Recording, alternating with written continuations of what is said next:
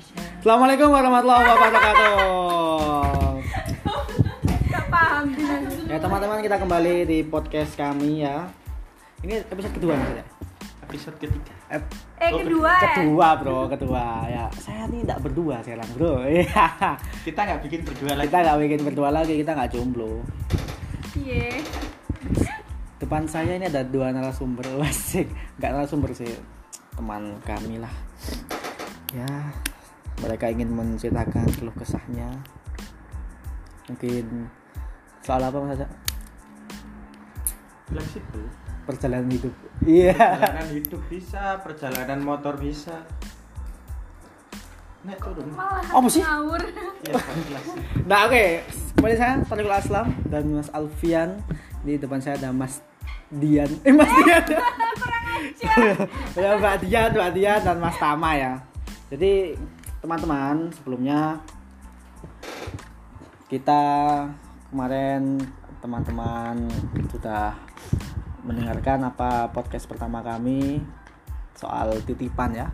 Kita mengutip ternyata apa dawuhnya kayak Jadin MZ soal titipan. Ya mungkin itulah bisa jadi pelajaran buat teman-teman. Tapi nggak tahu malam ini kita mau bikin podcast apa tuh nggak tahu sebenarnya Jadi kita bincang-bincang santai aja. oh iya kita santai. Santuy lur. Jadi ceritanya kami ini habis bagi-bagi sembako. Apa sih bagi-bagi sembako itu untungnya apa? Notabene nya kita tuh pelajar. Meskipun ya podcast ini tidak atas nama ikatan tapi tadi kami apa ya? Mencoba untuk mencari sebenarnya selain kita bagi-bagi sembako itu ada hal lain yang kami cari. Ya nggak sih? Apa? Nah, apa? Hal lain tuh apa? Oke lah kita sekarang di tengah pandemi covid 19 oke orang nggak bisa makan orang kesusahan. Kita bagi-bagi sembako kita bagi-bagi apa logistik apa makanan beras mie dan yang lain-lainnya? Apakah itu meringankan beban saudara-saudara kita atau hanya sementara saja? Apakah kita membagi sembako hanya untuk me- apa ya istilahnya melunasi memenuhi memenuhi tanggung jawab moral kita? Apakah demikian? Nah inilah yang akan saya tanyakan kepada teman-teman ini ya Mas Alfian kemarin sudah banyak bicara sekarang oke lah. Giliran kaum hawa nih. Biasanya kaum hawa ini cerewet biasanya. Coba Mbak Dian. Mbak Dian ini teman seperjuangan kami bro di salah satu ikatan organisasi pelajar di Indonesia. Asik. Iya Mbak Dian. Apa sih bagi-bagi sembako selain kita menyenangkan saudara-saudara kita yang kelaparan tuh apa hakikat lainnya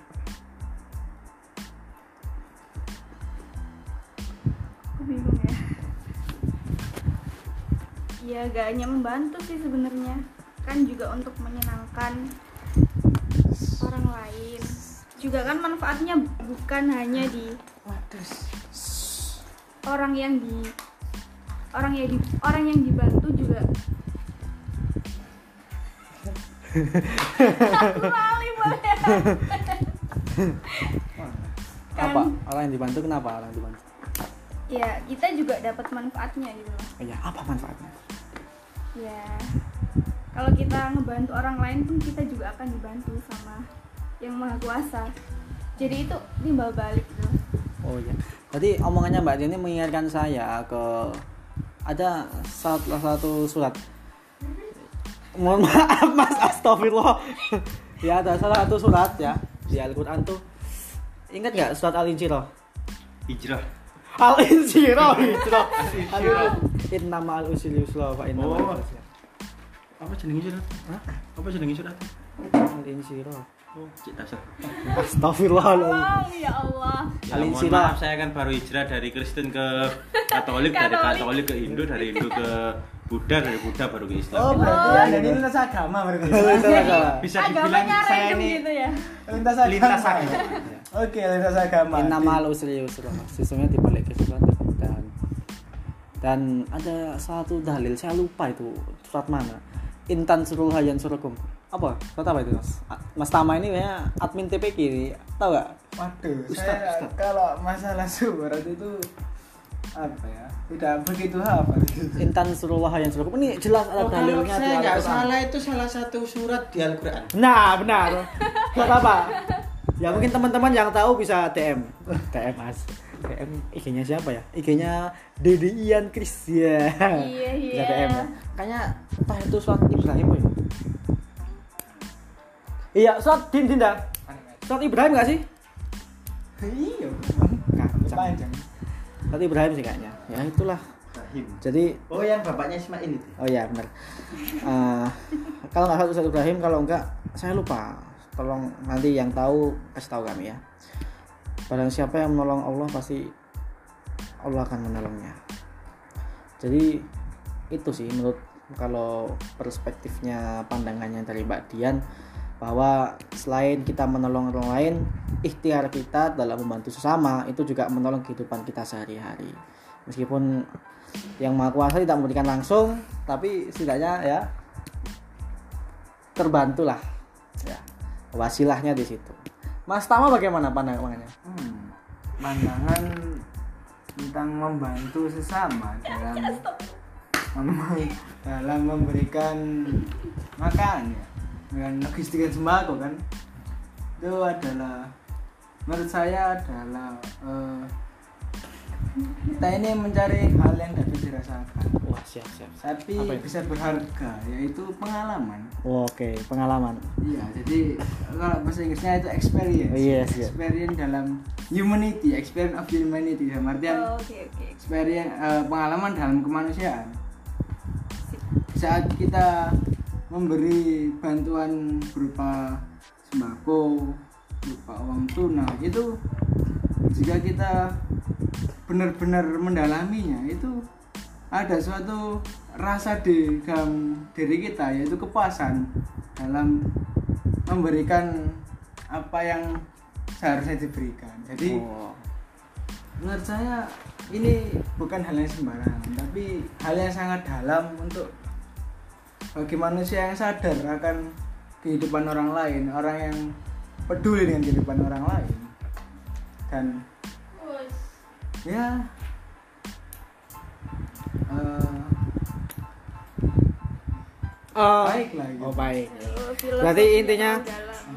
dari Mas Tama ini kegiatan kita membagi-bagi ini untuk men- apa ya sebagai wadah kita pengalaman. Ah, sebagai pengalaman bagi diri kita semuanya untuk merasakan beban ikut Saudara-saudara kita ya? Ikut merasakan. saudara-saudara kita yang nggak bisa makan. Wah, pas sekali momennya di bulan Ramadan mas ya. Nah, itu. Nah, itu di bulan. Ramadan juga ya? saya tuh tujuan posko ini berdiri gitu Nah. selain untuk menangani atau memberikan edukasi tentang COVID-19 juga Nah.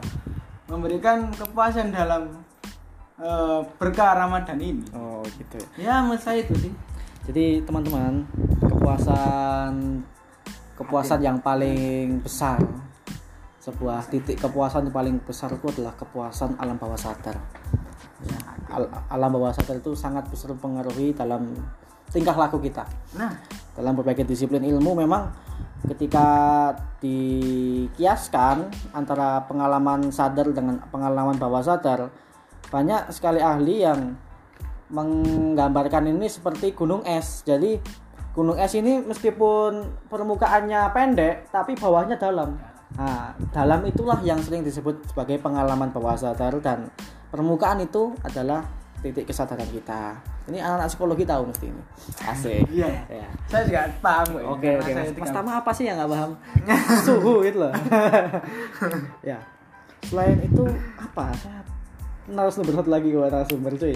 Mas Alfian sebagai ketua kita ya. Apa sih hakikat kita memberi Memanusiakan manusia. memanusiakan manusia wah mantap bagaimana itu? Mantap, mantap.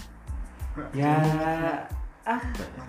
Sekarang kita harus kan tadi dua narasumber sudah bilang dari segi Jangan narasumber mas dua kawan kita. dua, dua kawan kita berbicara di bawah alam sadar. Oke siap. Kita coba berbicara di atas awan.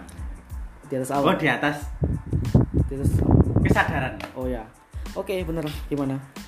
Sekarang kita coba lihat pemerintah membuat kebijakan tetapi tidak diimbangi dengan apa kebutuhan-kebutuhan yang dibutuhkan oleh masyarakat. Oh, jadi ceritanya Mas Alfian ini influencer pemerintah nih. Hmm, sebetulnya sih saya oposisi, Oh, cuma di sini saya menempatkan agak membantu pemerintah. Oh, gitu ya. ya. Ya kita harus bantu lah pemerintah walaupun nggak jelas kayak gitu. ya. Oh, astagfirullah. Ya, ya, gimana? Membantu pemerintah dalam hal apa ini? Kebijakan kan pemerintah itu PSBB. Oke, PSBB. Tetapi pemerintah tidak menyediakan apa yang dibutuhkan oleh masyarakat. Mm-mm. Contohnya saja ketika PSBB masyarakat itu pertama kerja dia sudah terhalangi. Hmm, Bahkan ada di PHK dan sebagainya. ya. Efek dari COVID-19. Yang kedua, para pedagang kehilangan pelanggannya sehingga dia tidak bisa berdagang lagi. Yang ketiga itu imbasnya. Imbasnya apa? Masyarakat ini jadi apa ya kayak krisis bahan pangan gitu. Nah, ketika pemerintah tidak bisa hadir di situ, kita coba hadir di situ. Kita bukan berarti tidak mengapresiasi pemerintah, tetapi kita coba melengkapi pemerintah dengan terjun langsung, memberi sumbangan langsung tanpa ada instruksi langsung dari pemerintah. Tetapi kendalanya banyak di desa-desa yang kita masuki itu malah kayak mempersulit. Ditanyakan ini Oh, kayak dari dicekat-cekat mana? gitu ya? Iya, Oh. dari mana ini untuk siapa dan sebagainya itu menurut saya nggak penting gitu loh.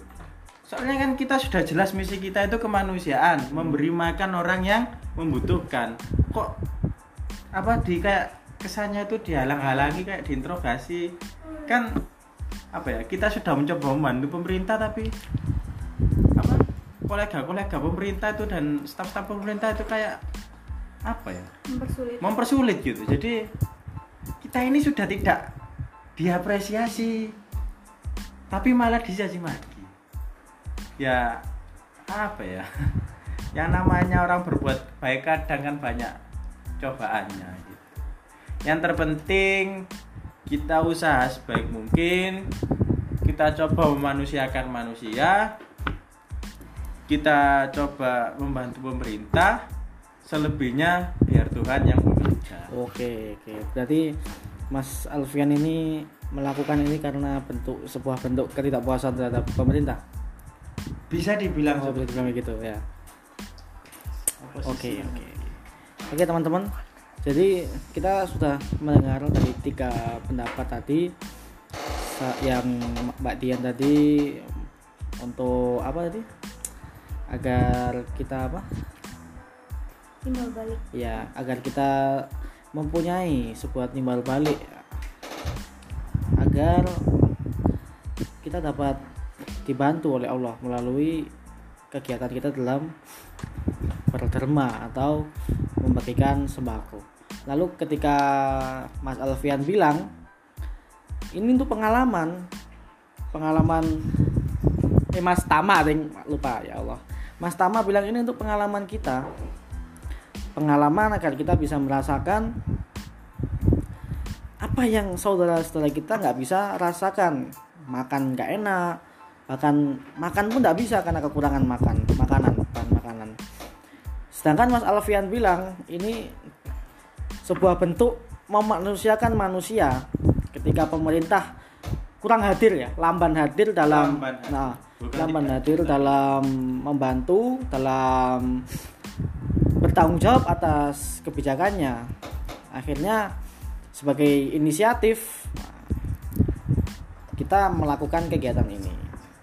Jadi memang tujuan kegiatan ini itu tidak hanya satu kali dua kali, ya, tapi ini ber, berkesinambungan, tidak akan berhenti sampai pandemi ini selesai. Harapannya kan seperti itu. Jadi teman-teman, kita sebagai pemuda, sebagai pelajar, kita harus mengkondisikan bagaimana pemikiran kita, bagaimana kita dalam mempunyai pola pikir positif. Oke? Pola pikir positif. Apa pola pikir positif itu? Kita membiasakan otak kita mempunyai pikiran-pikiran yang tidak melanggar norma. Tidak melanggar norma agama, norma sosial maupun norma kebudayaan. Kita berpikiran harus bisa luas, terbuka, terutama dalam menyikapi berbagai macam isu yang ada. Jangan sampai kita sebagai pemuda, sebagai pelajar, kita malah terpancing hal-hal yang nggak jelas, isu-isu yang nggak jelas, terus apa namanya berita-berita yang sekarang kita kenal berita hoax. Nah, itu dalam mengisi kegiatan agar kita bisa apa ya positif ya kita bisa berbuat kita tidak bersia-sia lah kita nggak sia-sia ketika kita menghadapi masa pandemi ini. Mungkin teman-teman bisa melakukan hal ini tidak hanya berbagi namun kita bisa mengadakan diskusi online kita dengerin podcast kayak gini terus apalah kegiatan-kegiatan lain yang positif. Nah, itu pembiasaan kita berpikiran positif itu nanti akan berpengaruh kepada kebiasaan kita di masa yang akan datang. Gitu ya. Mungkin itu saja mungkin ada teman-teman ada yang mau ngasih tanggapan lain soal hmm. hal ini? Pesan saya sih buat para anak muda jangan berhenti untuk melihat sekeliling. Jadi selagi bisa untuk membantu bantulah yang membutuhkan. Jadi kan banyak tuh anak muda sekarang yang apa nggak peduli dengan pandemi ini dia malah asik dengan dunianya sendiri siapa tahu tetangganya itu membutuhkan saudaranya membutuhkan malah ia lalaikan itu jadi nah. pesan saya bagi anak muda bukan hanya kami para pelajar tapi bagi rekan-rekan pemuda dan remaja-remaja lain mari kita bantu saudara-saudara kita kita apa bersatu melawan covid terus juga memanusiakan manusia di sekitar kita. Oke berarti intinya jangan apatis. Jangan apatis. jangan apatis jangan egois peka terhadap kondisi sama. Masa kita harus peka sama doi aja? Sesama juga harus peka dong ya kan? Oh, siap siap. Iya iya, iya. kalau perspektifnya Mbak Dian apa sih pesannya untuk teman-teman ini pendengar pendengar ini. Ya selagi masih muda terus berkarya. Oh asik. Selagi masih muda teruslah berkarya. Mas Tama? Uh, don't worry be happy. Wah. keep safe. Wes. Stay healthy. Oke okay, oke. Okay. and positive thinking. Oke okay, berarti be the best. Do the best always the best oke okay.